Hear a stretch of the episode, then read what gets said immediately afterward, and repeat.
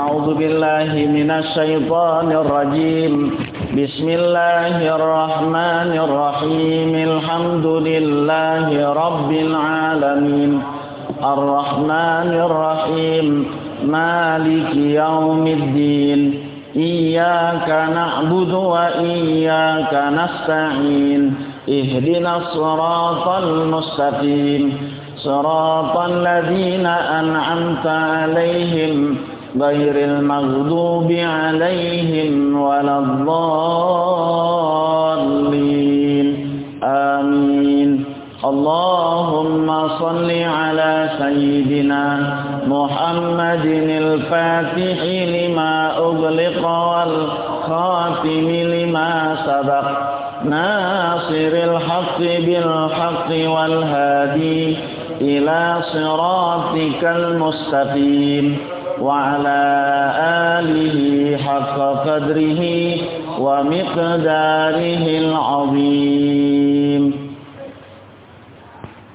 بسم الله الرحمن الرحيم الحمد لله رب العالمين وبه نستعين وعلى أمور الدنيا والدين والصلاة والسلام على أشرف الأنبياء والمرسلين sayyidina wa maulana Muhammadin wa ala alihi wa sahbihi wa man tabi'ahu wa nasarahu ila yaumiddin amma ba'du Bapak-bapak dan saudara-saudara jamaah serta pengurus Masjid Jami' Raihanul Hamim yang dimuliakan oleh Allah Subhanahu wa taala.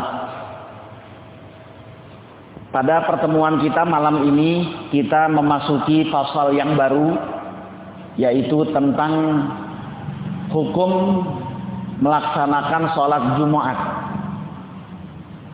Karena minggu yang lalu kita sudah menyelesaikan pembahasan tentang hukum jamak kosor. Nah sekarang kita memasuki pembahasan tentang hukum melaksanakan sholat Jumat. Uh, kalimat yang afsah itu Jumu'ah. Nah, bukannya Jum'ah. Nah, tapi apa? Jumu'ah. Jadi mimnya itu berdomah. Kan di dalam Al-Quran Allah berfirman idza nudiyalis salati mi yaumil jumu'ah. Nah, cuman kita sudah terbiasa nyebut Jumat. Ya. Salat Jumat. Jadi yang betul salat Jumu'ah. Hmm. Ya memang sudah menjadi uh, kaedah bahasa al-khata'ul masyhur muqaddamun ala shawabil mahjur yang salah tapi ngetop viral itu lebih didahulukan daripada yang benar tapi kurang ngetop gitu ya. Nah, ini ini sama. Jadi ini sudah menjadi kaidah umum yang dimaklumi oleh ahli bahasa yang mereka bilang al khataul masyhur muqaddamun ala sawabil mahjur. Kalimat yang salah tapi udah ketelanjuran ngetop itu sering digunakan daripada yang kalimat benar tapi kurang apa? Kurang ngetop. Ya banyak ya contoh-contoh seperti itu di masyarakat kita banyak kayak akekah. Yang benar itu nasikah. Ya. Banyaklah. Dah kita kembali kepada pembahasan kita tentang syarat-syarat wajib Jum'ah. Faslun wasara itu wujubil jumu'ati sab'atu asya. Syarat wajibnya melaksanakan sholat Jumat itu ada tujuh macam syarat. Ada tujuh macam syarat. Ada dalam madhab kita. Ya, ada tujuh macam syarat.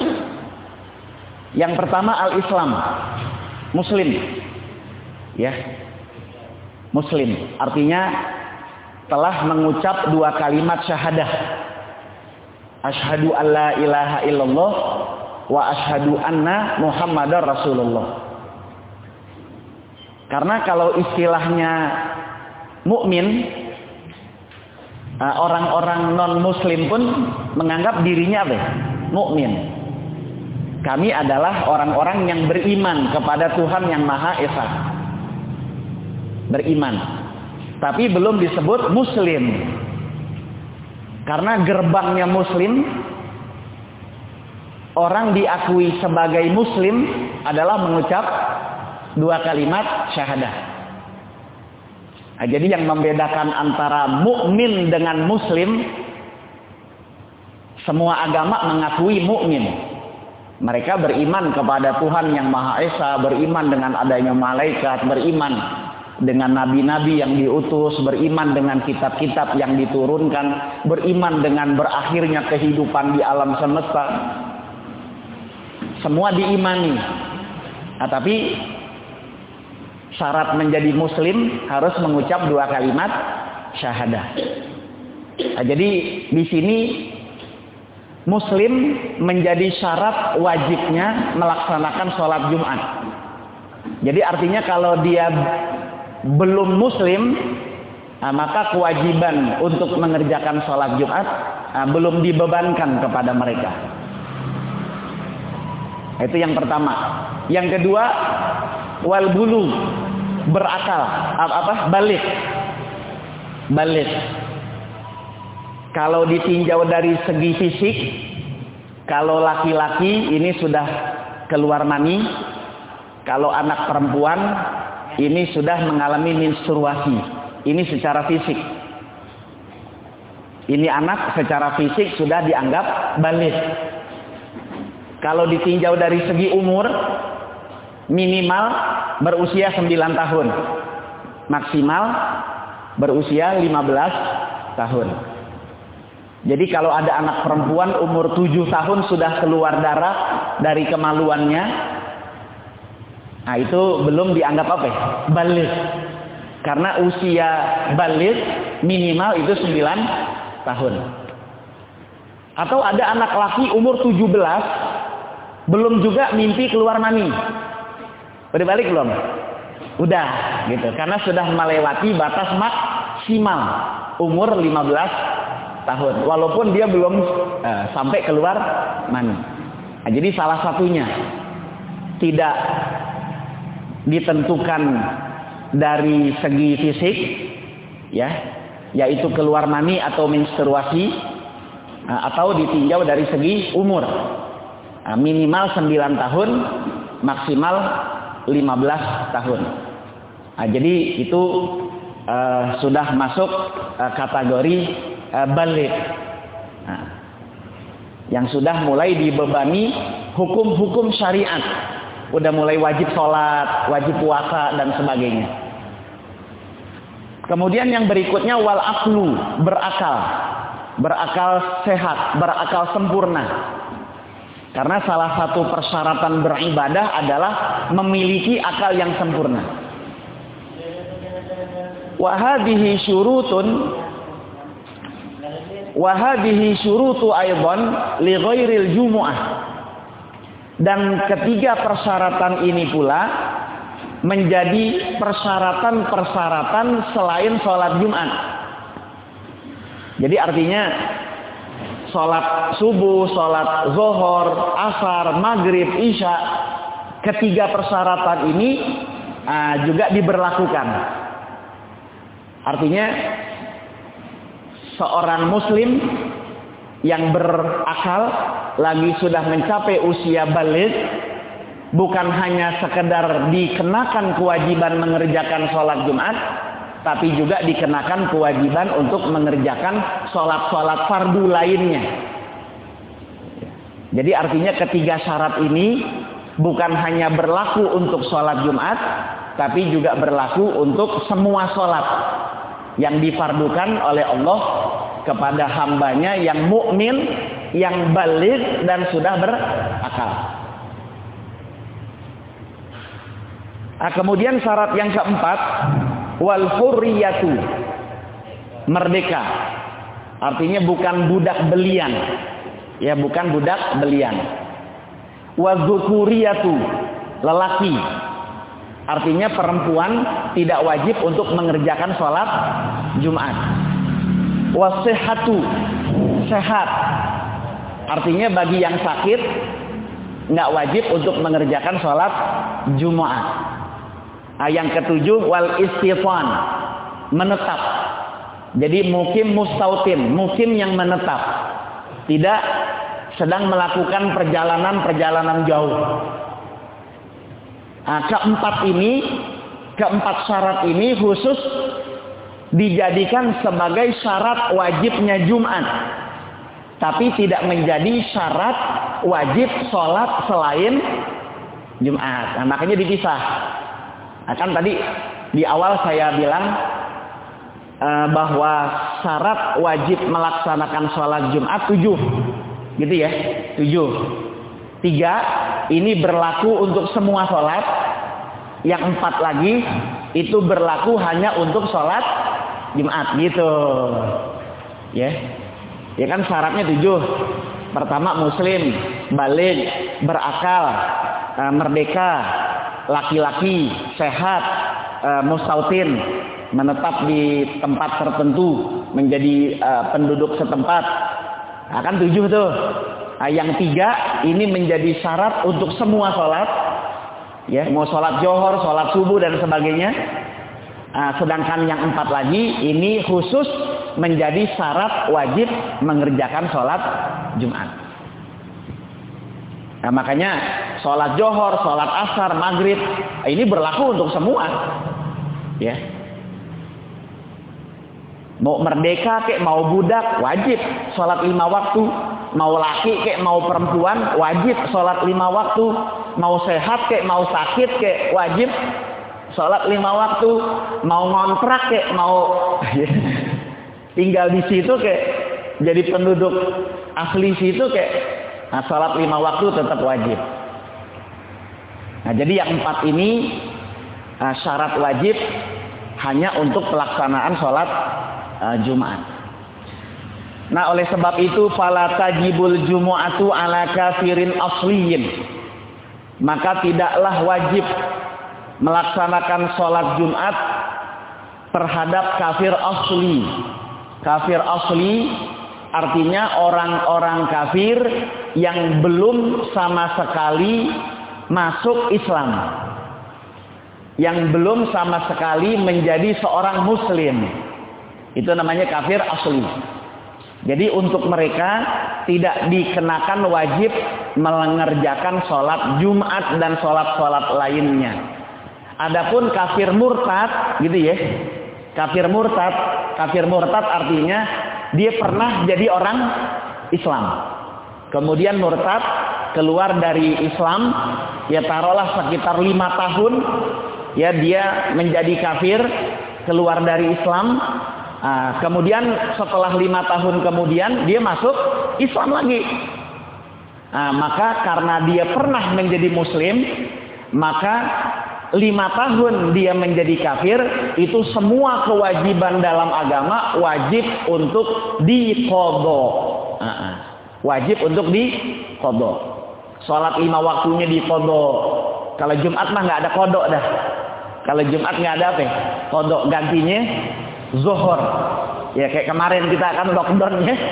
Nggak ngerjain sholat Jumat gantinya apa? Zuhur.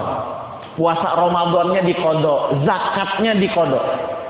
Jadi semua kewajiban yang dia pernah tinggalkan selama murtad. Ketika dia masuk Islam kembali. Maka wajib untuk mengkodok semuanya. Ya, wajib untuk mengkodok uh, semuanya. Nah, jadi tidak wajibnya seorang kafir untuk mengerjakan sholat Jumat yang dimaksud dengan kafir di sini adalah kafir asli. Kafir asli.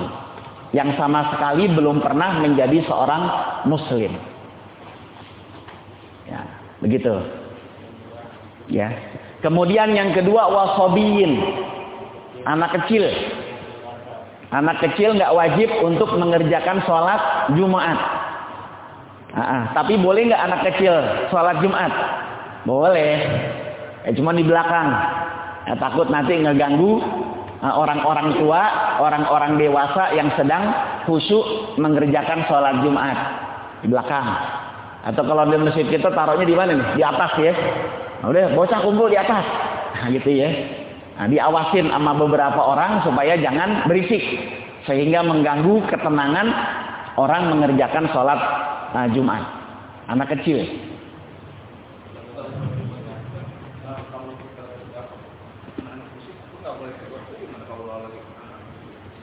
Ya makanya sebenarnya uh, Nabi melarang anak-anak yang masih dalam usia sobi. Nah, sobi, sobi itu di bawah tujuh tahun. Karena umur di bawah tujuh tahun itu belum ngerti dibilangin. Karena akalnya belum apa ya? Belum sempurna. Makanya awal pendidikan yang diajarkan oleh Nabi kepada orang tua untuk anak-anaknya itu sejak usia tujuh tahun.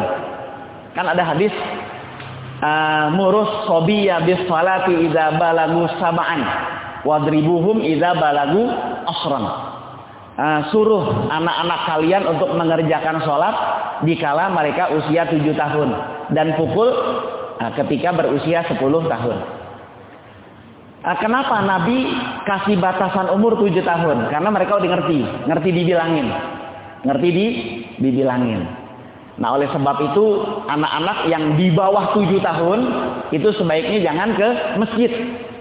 Nah, di rumah aja deh.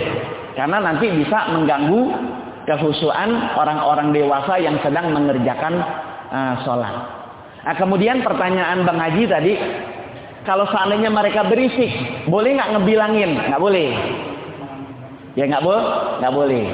Ya seandainya gitu anak-anak berisik, nggak boleh. Ketika khutbah sedang berlangsung. Khutbah sedang berlangsung. Nggak boleh. Karena kata Nabi, siapa yang berkata kepada kawannya, uskut, diam. Yaumal Jumu'ati pada hari Jumat, pakot lago. Maka Jumatnya eh, sia-sia. Nah oleh sebab itu, ada beberapa teknis yang dilakukan oleh beberapa pengurus, itu yang saya lihat di beberapa masjid, itu sebaiknya di atas itu diawasi gitu ya uh, sama orang-orang dewasa yang sekira-kira anak-anak pada takut sama dia. Jangan uri. Kalau uri bocah nggak ada yang takut. Jadi sekira-kira anak-anak pada apa ya? pada takut. Jadi ya kan ada nih di antara jamaah pengurus yang sepertinya berwibawa lah ya di hadapan anak-anak nah, ini boleh untuk ngejagain anak-anak supaya jangan berisik. Jadi tongkrongin aja. Atau ada juga teknis yang lain. Kalau orang tuanya bawa anak, ya, itu sebaiknya anaknya nah, sholat di samping dia. Ya, di samping bapaknya. Dan ini pun uh, saya terapkan buat anak saya. Jadi kalau Jumatan itu uh, selalu saya uh, berdua sama anak jadi jangan sampai dia kumpul sama temennya. Karena kalau sudah kumpul sama temennya, ah, berisik gitu ya. Nah. nah, cuman kalau kita bawa anak, ya kita harus tahu aturan. Jadi jangan di depan.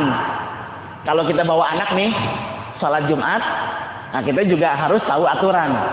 Jangan kita posisi sapnya di mana? Di depan. Jadi ya ambil posisi belakang. Atau biasanya saya kalau lagi nggak ada jadwal Jumat, sholat sama anak itu biasanya ngambil di atas, di atas. Tapi tetap ya saya dampingin, nggak boleh dikumpul sama siapa ya? Temen-temennya kalau udah kumpul sama temennya, temennya pasti ya ngobrol, bercanda dan sebagainya. Nah, jadi banyaklah cara yang seharusnya dilakukan oleh orang-orang tua yang punya anak eh, saat pelaksanaan sholat Jumat. Karena permasalahannya kalau berisik kita nggak bisa ngediemin. Nah, ya, ya kalau anak-anak itu ngobrol, ya kita susah buat ngediemin gitu. Karena ada aturan uh, dalam hadis nggak boleh uh, kita menegur teman kita untuk diem, uh, karena itu dapat menyebabkan lago. Nah, sholat Jumat kita sia, Ah, sia-sia. Ya begitu dah ya. Nah.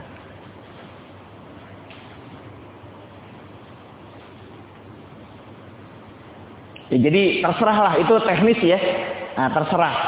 Banyak ah, cara yang eh, dilakukan oleh pengurus-pengurus masjid untuk mengantisipasi ah, berisiknya anak-anak pada saat pelaksanaan sholat Jumat. Itu ya silakanlah dirembukin uh, gimana caranya gitu. Nah, jadi yang kedua sobi, anak kecil. Anak kecil nggak wajib Jumat. Wa majnunin, orang gila. Lagi orang gila, ntar ngamuk-ngamuk dia di masjid. Nggak wajib untuk mengerjakan sholat Jumat. Rakik, budak. Yang wajib itu adalah orang yang merdeka. Jadi kalau budak nah, tidak wajib untuk mengerjakan sholat Jumat. Karena bisa jadi dia berada dalam tekanan majikannya. Ya, ini budak ya, bukannya pembantu, bukan. Budak. Budak. Budak belian. Kalau zaman sekarang budak udah nggak ada. Karena bisa jadi si budak ini harus melayani nah, rumah tangga majikannya. Jadi nggak sempat untuk melaksanakan sholat nah, Jumat. Makanya budak tidak dikenakan wajib melaksanakan sholat uh, Jumat.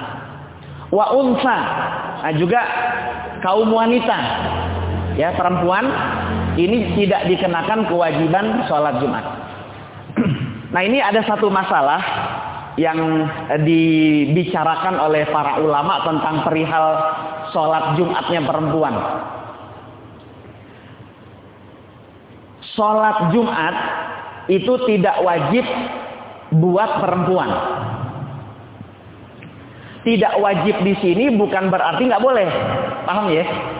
Tidak wajib di sini bukan berarti nggak boleh. Artinya boleh perempuan ikut mengerjakan sholat Jumat.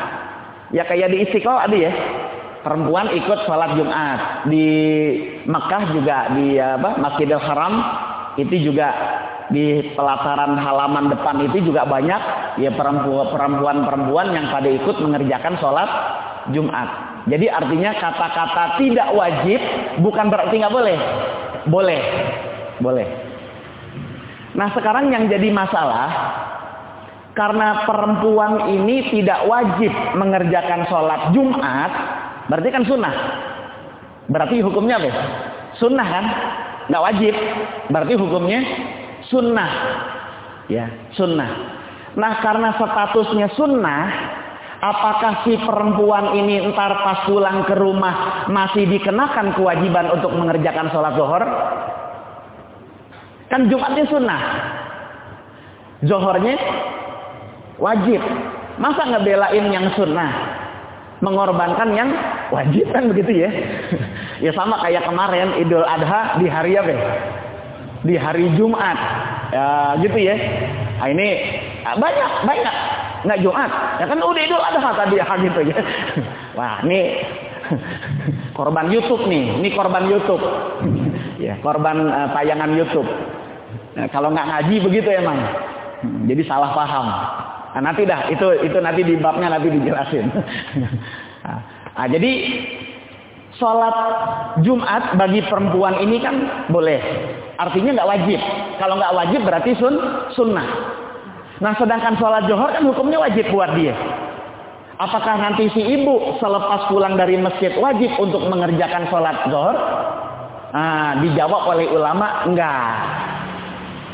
Walaupun si ibu enggak wajib mengerjakan sholat Jumat, tapi dia ikut menjadi wajib sebab bermakmum dengan orang laki-laki. Apa paham ya?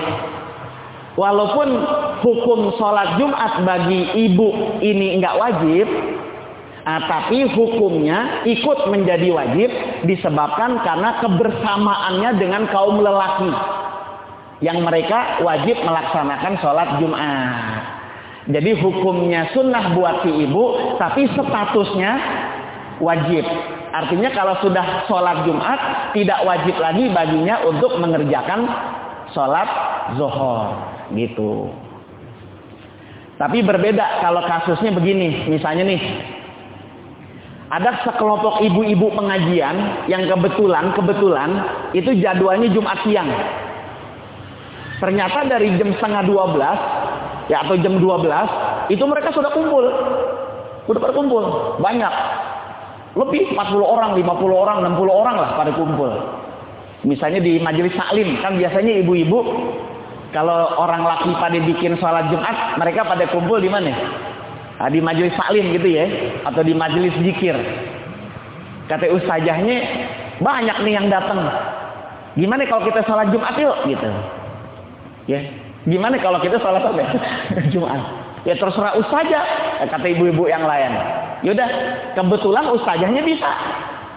Ya, khutbahnya bisa, gitu ya. Mimpin sholat Jumat juga bisa terlaksana sholat Jumat.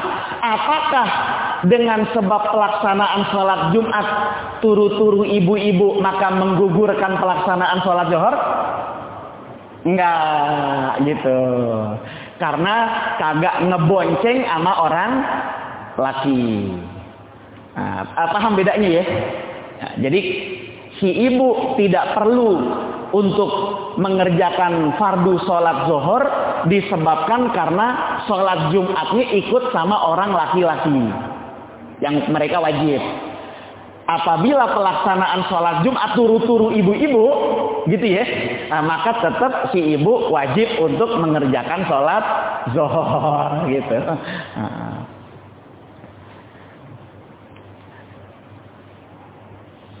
Ya tapi ini cuma contoh. Nah, belum pernah ada sih, ya, belum pernah ada ya. belum pernah ada ibu-ibu bikin apa ya? bikin Jumatan belum pernah ada. Nah, cuman kalau seandainya gitu, seandainya mereka bikin Jumat, akan boleh tuh, ya.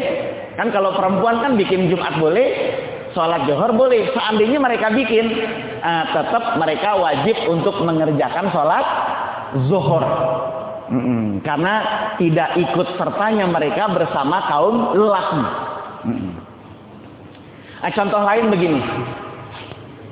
Makruh memperpanjang bacaan tasyahud awal. Melebihi bacaan salawat. Nah, jadi tasyahud awal itu At-tahiyatul mubarakatus salawatut thayyibatu lillah. Assalamu alayka ayyuhan nabiyyu wa rahmatullahi wa barakatuh. Assalamu alayna wa ala ibadillahi an la ilaha illallah wa anna muhammadar rasulullah. Terus Allahumma ala sayyidina Muhammad. Dah sampai situ. Sampai situ. Wa ala ali itu perlu dibaca. Bahkan kalau dibaca menurut madhab kita Imam Syafi'i makruh. Makruh. Karena membaca salawat dalam tasyahud awal uh, itu hukumnya sunnah abad. Uh, sedangkan membaca salawat dalam tasahud akhir itu hukumnya rukun. Wajib. Membaca salawat kepada keluarga Nabi dalam tasahud awal itu hukumnya makruh. Membaca salawat untuk keluarga Nabi dalam tasahud akhir itu hukumnya sunnah abad. Jadi membaca salawat kepada Nabi dalam tasahud awal sunnah abad salawat kepada keluarga Nabi hukumnya makruh. Kalau di tasahud akhir baca salawat hukumnya wajib. Baca salawat kepada keluarga Nabi hukumnya sunnah abad gitu. Nah, paham tuh ya? Nah, sekarang kedudukan kita sebagai makmum. Kita baca nih. Asyhadu alla ilaha illallah wa asyhadu anna Muhammadar Rasulullah. Allahumma salli ala sayyidina Muhammad. Kan sampai situ. Sedangkan imam belum selesai. Apakah kita diem? Apakah kita diem aja gitu sampai nungguin imam kelar? Enggak. Kita terus baca. Terus baca. Bahkan justru diemnya kita tuh makruh. Jadi dalam sholat itu nggak boleh apa? Nggak boleh diem gitu. Jadi harus ada yang dibaca. Kalau seandainya kita nggak baca, denger. Ya kayak imam baca surah, nah kita denger. Nah, jangan ikut baca surah, jangan. Karena bacaan surahnya imam itu kenceng. Karena kedengeran, ya kita diem. Sedangkan tasahud akhir, eh tasahud awal ini kan bacaannya pelan. Nggak ada yang didengar. Oleh sebab itu makruh untuk diem. Nah, maka walaupun kita sudah selesai Allahumma sholli ala sayyidina Muhammad, imam belum bangun, terusin. wa ala ali sayyidina Muhammad kama shallaita terus begitu. Kenapa kok hukumnya nggak berlaku? Ah, karena kita lagi bonceng sama imam gitu. Karena kita lagi bonceng sama imam.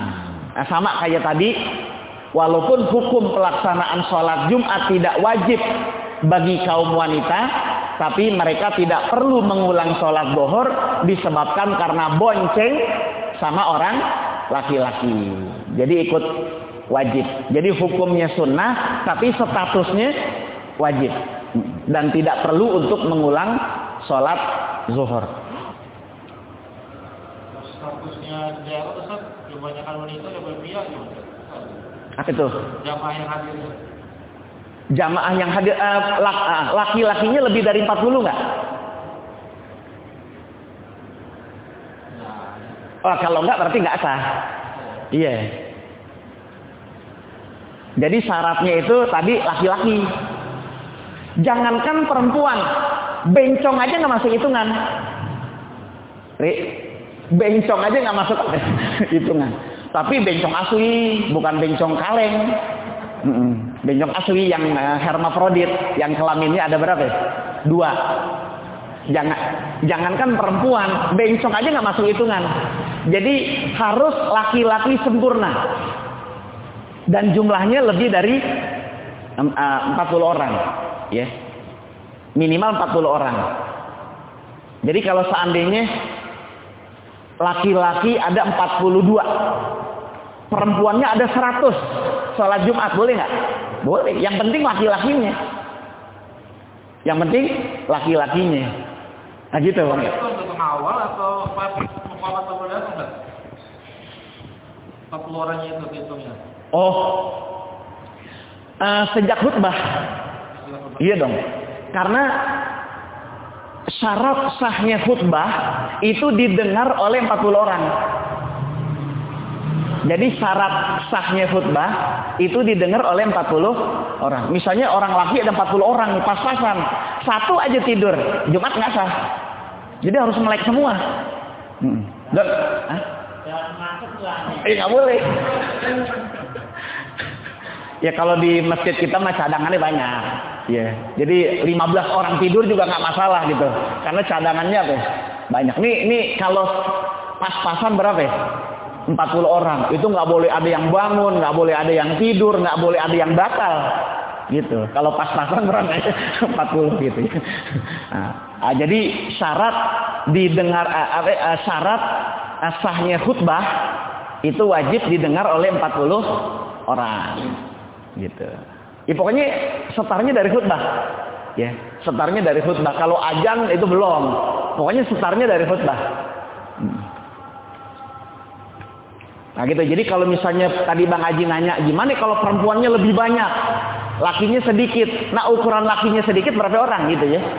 Kalau 30 orang ya nggak jadi Jumat. Nah, karena syarat sahnya Jumat salah satunya adalah 40 orang laki-laki. Itu pun mustautin. Nah, itu pun mustautin. Penduduk setempat. Ya penduduk setempat. Kalau ada saudara kita dari Jawa nih datang 10 orang, itu nggak masuk hitungan. Saudara kita dari Jawa nih datang berapa? Ya? 10 orang laki-laki karena pengen cari kerjaan di, di Jakarta misalnya gitu. Nah, ikut sholat Jumat itu nggak masuk hitungan. Karena mereka bukan mungkin mustautin walaupun mereka menetap sampai sebulan. Wajib Jumat tapi tidak termasuk ahlul Jumat. Nah, yang masuk apa? Ya? Hitungan orang perempuan, anak kecil, orang gila, musafir. Itu nggak masuk hitungan. Yang masuk hitungan itu orang sakit. Nah, kalau orang sakit itu masih masuk hitungan. Kalau yang empat ini enggak. Ya, yang empat ini enggak. Eh berapa? Enam berarti ya? Uh, ya enam, enam. Uh, uh, orang kafir. Ya misalnya kita ngajak teman kita lagi main nih. Dia Batak Kristen gitu ya. Di masjid cuma ada 39 orang. Wah nyari orang susah. Ada teman kita yang Kristen kita ajak nggak masuk hitungan. Nggak masuk hitungan. Anak kecil nggak masuk hitungan. Walaupun ada 10 orang, yang dewasa ada 30, anak kecil ada 10. Anak kecilnya nggak masuk apa? Hitungan. Uh, musafir. Nggak masuk hitungan. Walaupun dia menetap sudah cukup lama di sini. Tapi dia bukan mukim mustautin. Artinya bukan penduduk setem, setempat. Itu nggak masuk hitungan. Uh, uh, budak. Uh, perempuan. Ya. Yeah. uh, orang gila. Itu nggak masuk hitungan. Uh, kecuali orang sakit. Kalau orang sakit ini masuk hitungan. Selama dia masih sadar kecuali kalau orang yang sakit ini sampai nggak apa nggak sadar. Misalnya gini. Di kampung ini ada masjid pengen ngerjain Jumat. Yang ada cuma 39 orang. Kurang atuk gitu nih. Eh ada tuh. Kong anu lagi sakit. Bawa aja gitu ya. Nah, digotong ke masjid. Untuk ngelengkapin berapa 40 orang. Nah, bisa nggak si engkong yang sakit ini tidak masuk dalam hitungan 40 orang? Tergantung Nah, kalau dia dalam kondisi sadar, masuk hitungan. Cuman kalau dalam kondisi nggak sadar, disebabkan karena sakit yang cukup parah, maka nggak masuk apa? Nggak masuk hitungan. Enggak sama imam. Iya, ya, sama imam. Sama imam. Jadi 39 eh, jamaah sama imam satu. Jadi 40. Ya. Iya. Yeah. Memang ini jadi masalah. Bagi sebagian uh, orang, kalau mengerjakan sholat di masjid-masjid perkantoran, disebabkan karena uh, kebanyakan jamaahnya itu bukan penduduk setempat, uh, maka untuk cari aman, uh, mereka iadah zuhur. Biasanya mereka melakukan iadah zuhur. Jadi mengulang pelaksanaan sholat zuhur. Dan ini biasa saya lakukan kalau saya dapat uh, jadwal khotib uh, di perkantoran gitu ya. Karena kan orang-orang luar tuh Pak Habis sholat Jumat, nah saya sholat Johor. Jadi untuk berjaga-jaga. Nah, untuk berjaga-jaga. Nah, tapi ada juga pendapat uh, selama dia masih berada di satu wilayah kayak model Jakarta. Nah, yang penting bukan orang Bekasi, bukan orang Cikarang, bukan orang Tangerang gitu ya. Kalau misalnya kantornya di di di apa di, di Senen, dia tinggalnya di Mampang Jakarta Selatan, itu masuk Jakarta lah gitu. Nah, jadi artinya uh, walaupun beda wilayah tapi masih satu apa ya namanya provinsi ya. Nah, masih satu provinsi. Ini ada yang berpendapat boleh. Disebabkan karena Jakarta ini penduduknya padat. Penduduknya apa nah, padat kalau di zaman dulu ini kan uh, biasanya uh, satu wilayah itu dibatasi dengan pagar di uh, sekeliling untuk menjaga jangan sampai ada serangan-serangan musuh dari luar. Tapi kalau zaman sekarang ini lingkungan Jakarta ini udah sangat apa? Ya? Sangat padat. Jadi orang yang tinggal di Jakarta Selatan, sholat Jumatnya di Jakarta Pusat, itu masih masuk kategori mukim mustautin. Dan ini menjadi salah satu pendapat dari salah seorang guru saya, Ki Haji Muhammad Syafi Hazani.